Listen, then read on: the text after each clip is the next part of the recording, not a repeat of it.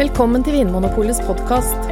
I panelet i dag sitter programleder Trond Erling Pettersen og varefaglige rådgivere Anne Engrav og Anders Stueland.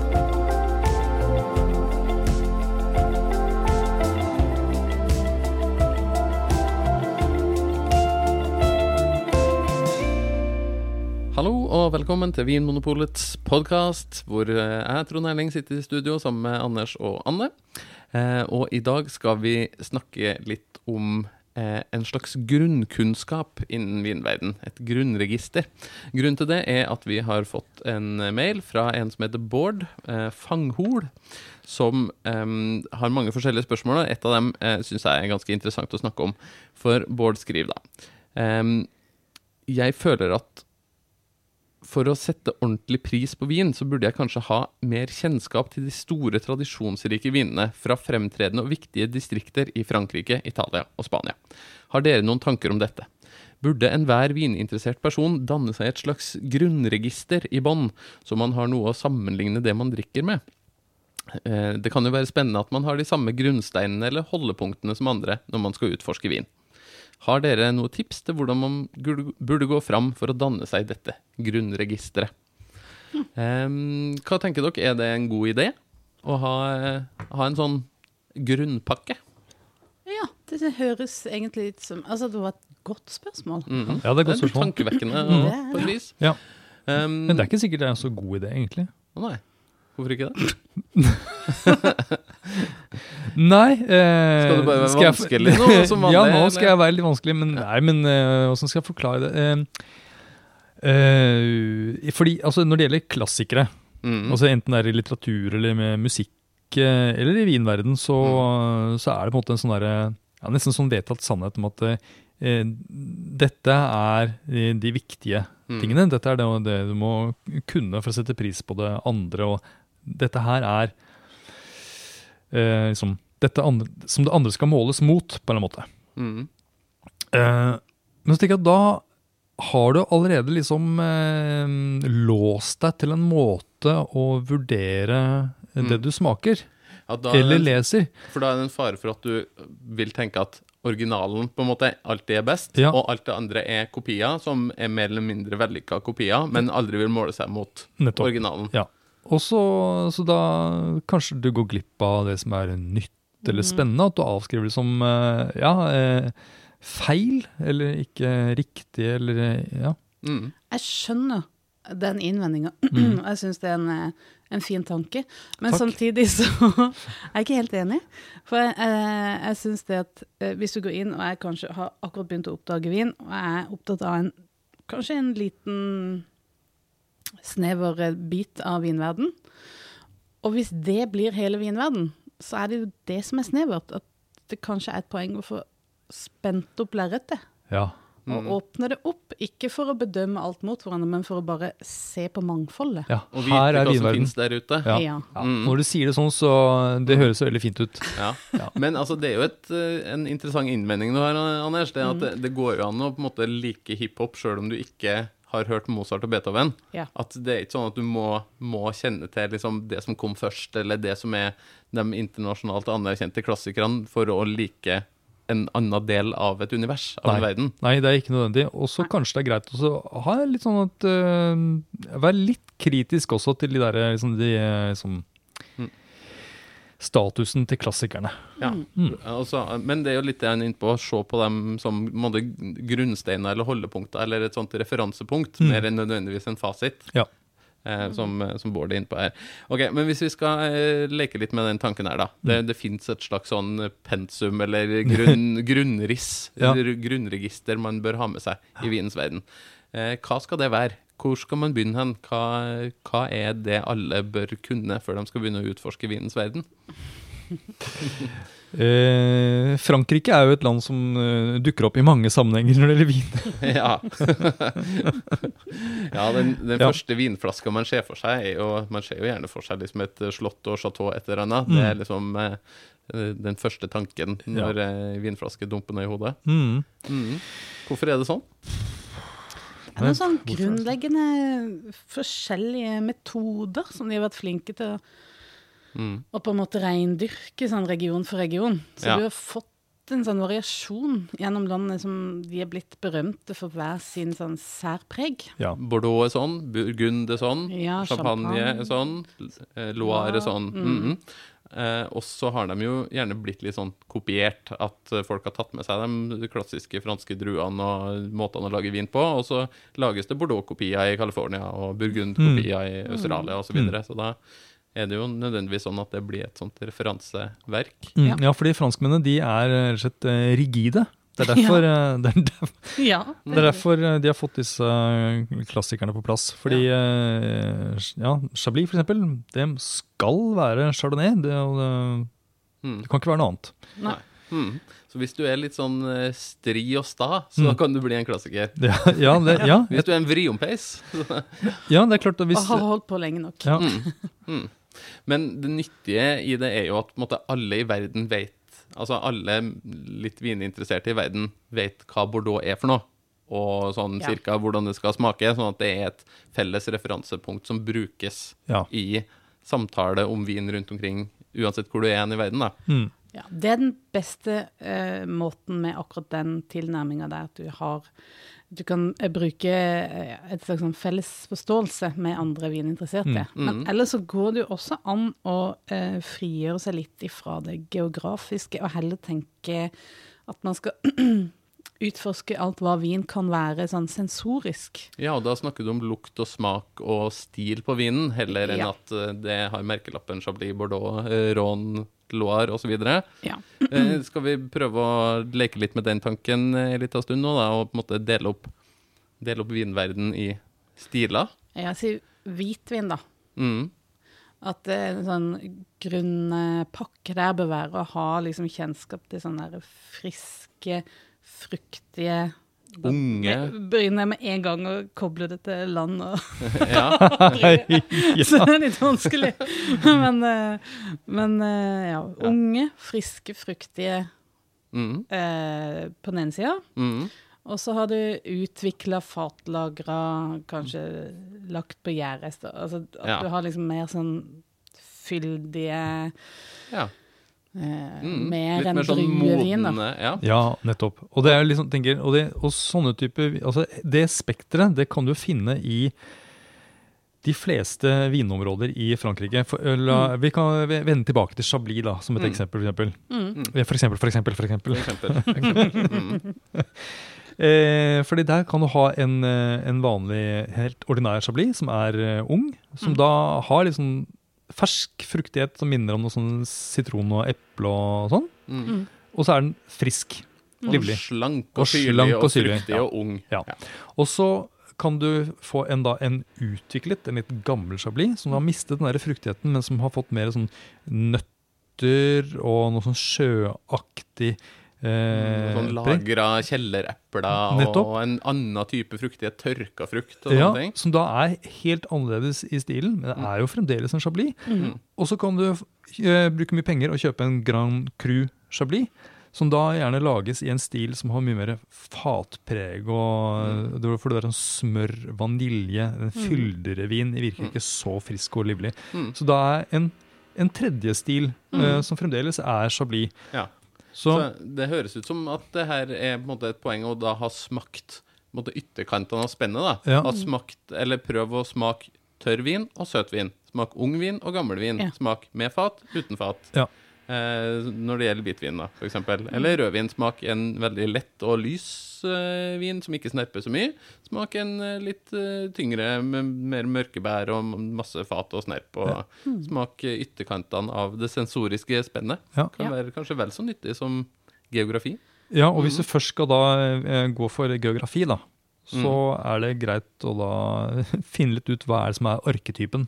Ja. Mm. Chablis. Når du da først skal liksom finne ut hva er det folk mener når de sier at noe er Chablis-aktig, Mm. så er det antageligvis den derre slanke eh, sitron, grønt eple-aktige vinstilen som Mm. det er snakk om. Eh, selv om Chablis kan være så mye mer. Mm. Ja. Eh. OK. Skal vi, ja, skal vi da eh, jeg følte, Har vi fått sagt noe om de ulike typ stilene i hvitvin rødvin? Ja, vi var jo litt inn på hvitvin nå. Ja. Eh, skal vi ta rødvin nå, da? Er det mm, Ja, og, og det er så mye mer aroma. Ja. For du kan ha mye aroma, lite aroma, høy friskhet, lav friskhet, frukt og blomst. Altså, du Oi, kan ja. liksom, Man kan jo Hvor, hvor dypt skal vi eh, bore i dette? Mm. Ja. Ja, nei, eh, Systembolaget eh, ha, eh, har de fremdeles et sånt system der de deler opp i sånn mustig og Kryddig. kryddig, og- ja, jeg lurer på det, Ja, om de at de har har delt opp sortimentet sitt sånn, ikke geografisk, men, men mer sånn etter stiler. Ja, nettopp. Mm. Sånn eh, lys og lett Ja. og tung og krydret Ja. og så videre. Og det, det, de samme vintypene fins jo hos oss på Vinmonopolet. Det er jo, hvis du er usikker, så er det jo beste du kan gjøre å gå på polet og spørre Hei, jeg vil gjerne prøve en veldig lys og lett og eh, ung rødvin, og så vil jeg prøve en som er tung og krydra og gammel. Ja, Og så får du hjelp til å det er en god idé. finne fram det. Mm. Eh, ja. Ja, Mm. Men du, jeg tror du har noe å si om rødvin. Har jeg det? Ja. Det virker Ja, det, som blir, det, jeg tenker det blir jo litt det samme som hvitvin, det er bare at den er rød. Ja. Det, det var ditt grunnkurs i vin. Nei da, men det er jo Du har jo de, de fruktige, unge rødvinene. Um, og så har du, men så har du også da på en måte de som er fruktige, men som har, er på en måte faste, som har mye Ja. snerp. Ja. Mm. uh, I motsetning til de fruktige som er mer sånn bløte, leskende, uten så mye snerp. Og så uh, fins det da viner som har eh, fatpreg. Dette er litt sånn uh, kaffe, sjokolade, vanilje, kokosnellik-aromaene. Mm. Og så er det selvfølgelig da litt sånn utviklet uh, rødvin. Ja. Hvor frukten har blitt litt eh, dempet, og hvor det har fått mer sånn tørket frukt, sopp, Mm. skogbunn, sånne Ja. ting. Ja. Mm. Og igjen så er dette viner som kan finnes i mange forskjellige områder, egentlig, Mm. Ja. i vinverden. At da er på en måte stil og smak, aroma viktigere for å orientere seg, og kanskje like nyttige referansepunkter når du da skal smake videre og dykke dypere ned i, Mm. i vinverden. Ja. Um, hvis vi skal prøve oss på en litt sånn rask geografisk eh, inndeling igjen, så har jeg en liten oppgave til dere. Ja. Eh, Anne, jeg vil at du skal finne fem klassiske liksom, vinområder som man bør kjenne til. Det kan godt være i Frankrike. Eh, og så, Anders, vil jeg at du skal finne fem som ikke er i Frankrike, og som på en måte ikke er de ultimate klassikerne, men som du likevel bør kjenne til. Oi! Mm. Fem stykker. Og så eh, Bare fem? Ja, nå må du velge fem, Anne. Hva er de fem første du tenker på Ok, som, man bør, som man bør kunne? Et, da vil jeg velge én musserende, to hvite og to røde. Ja. Champagne. Mhm. Det er Man må ha det. Mm. Eh, hvitvin. Eh, Loire. Chablis, faktisk. Mhm. Nei, da blir det Frankrike. Og så Ja. Bordeaux, Burgund. Ja. Champagne, Loire, Chablis, Yep. og så rødvin fra Burgund og Bordeaux. Ja. Kan, jeg Mhm. utvide, kan jeg utvide Chablis til å omfatte hele Hele Burgund. Burgund. Ja, Chardonnay fra det lange slipset som heter Burgund, inkludert slipsknuten Chablis. Ja. Eh, og da er det jo egentlig ganske lett å finne fram til på en måte, noen kopier, da. Så da kan jeg ta fem kopier mens du eh, Ja. tenker på Ja. eh, utfordrerne. Ja. For da champagne, da har du jo på en måte musserende lagd av de samme type druene, men et annet sted i verden. Så da burde du kanskje ha prøvd en, eh, en klassisk musserende lagd av pinot noir og chardonnay fra f.eks. Australia eller USA eller Mm. et annet sted. Eh, hvitvin og chardonnay.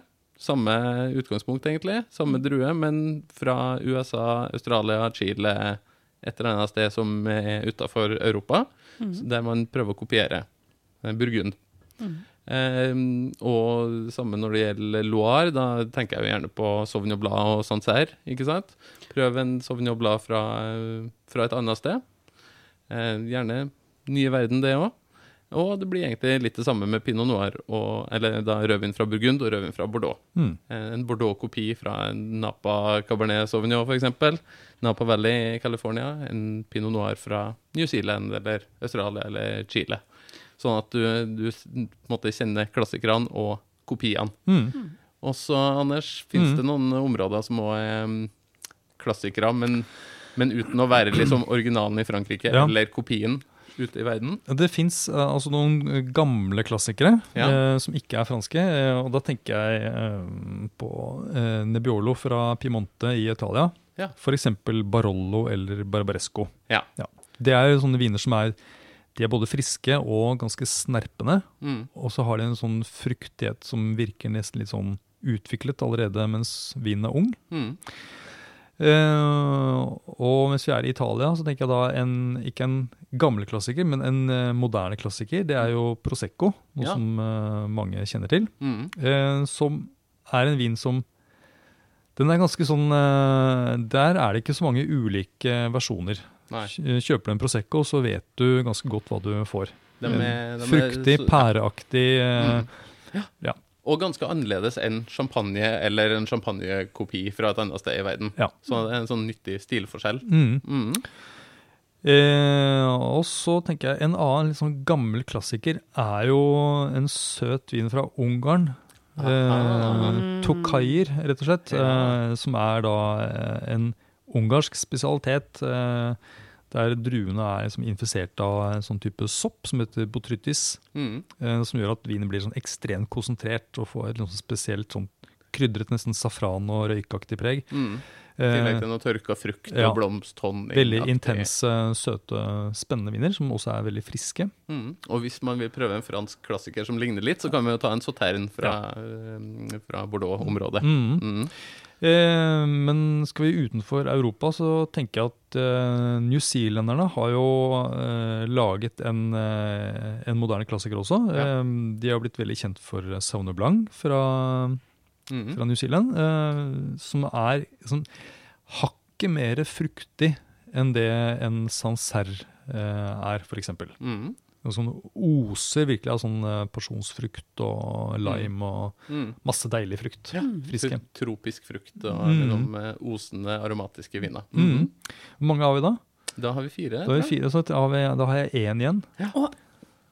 Har du noe du tenker på? Uh, nei jeg, Ja, si det nei, eh, Semillon fra Hunter, uh, Hunter Valley uh, yeah. I Australia. i, i Australia. Um, det er jo en litt sånn marginal vin, kanskje, men Mm. eh, den er også litt sånn særegen eh, og Mm. finnes ikke så mange andre Ja, det steder. er sant. Mm. Mm.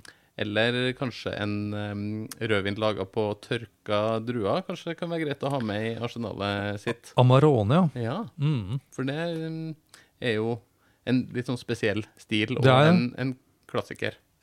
Og sherry. Vi må ikke glemme sherry. Åh, det er så mange, mange klassikere som er nyttige å ha med seg. Ja, Sherry, portvin. En del sånne referansepunkter som er nyttige å ha med seg. Mm. Ja, men Så bra. Da har vi fått eh, noen geografiske holdepunkter, og vi har noen eh, stilmessige holdepunkter. Men når vi snakka om det temaet her litt før vi gikk i studio i dag, Anders, så sa du at det er et minimum som man må ha med seg hvis man skal begynne å interessere seg for, for vin. Ja. Og det handler verken om geografi eller om vinstiler, men det handler om en tilnærming. ja. At du må ha smakt blåmuggost. Og det spiller, ingen, rolle- det spiller ingen rolle om du liker blåmuggost eller ikke, men altså, du må være åpen for å smake på ting. Ja. Ja. Du, Ja. Det var egentlig poenget. du må være åpen for tanken om at et univers, en produktkategori, kan eh, ha mange ulike smaker. Mm. Kan være litt annerledes. Ja. Mm. ja. Nei, men det er jo et fint krav. Vær litt eh, nysgjerrig. Ja. da, Bård, eh, hvis du ikke har smakt på blåmuggost, så begynn der. Gjør det først, og så kan du begynne å dykke ned i vinens verden etterpå. Det er vår klare beskjed. Eh, nei, men det er jo et, eh, et veldig godt poeng, Anders, at det kan være lurt å eh, sånn generelt være litt åpen for at ting smaker forskjellig. Kanskje smak på både et eplekart, et norsk eple, et kinesisk oh, ja. pink lady-eple og et gult eple og en epleskrott som har ligget på benken i noen dager.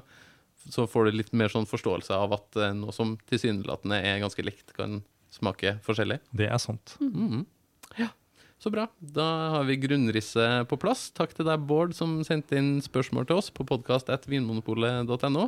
Til deg som hører på, gjør gjerne det samme. Hvis du lurer på et eller annet, samme hva, innenfor eh, den vidunderlige verden som heter mat og drikke, så send det inn til eh, oss. Takk for i dag. Takk for at du hører på Vinmonopolets podkast. Har du forslag til et tema i podkasten?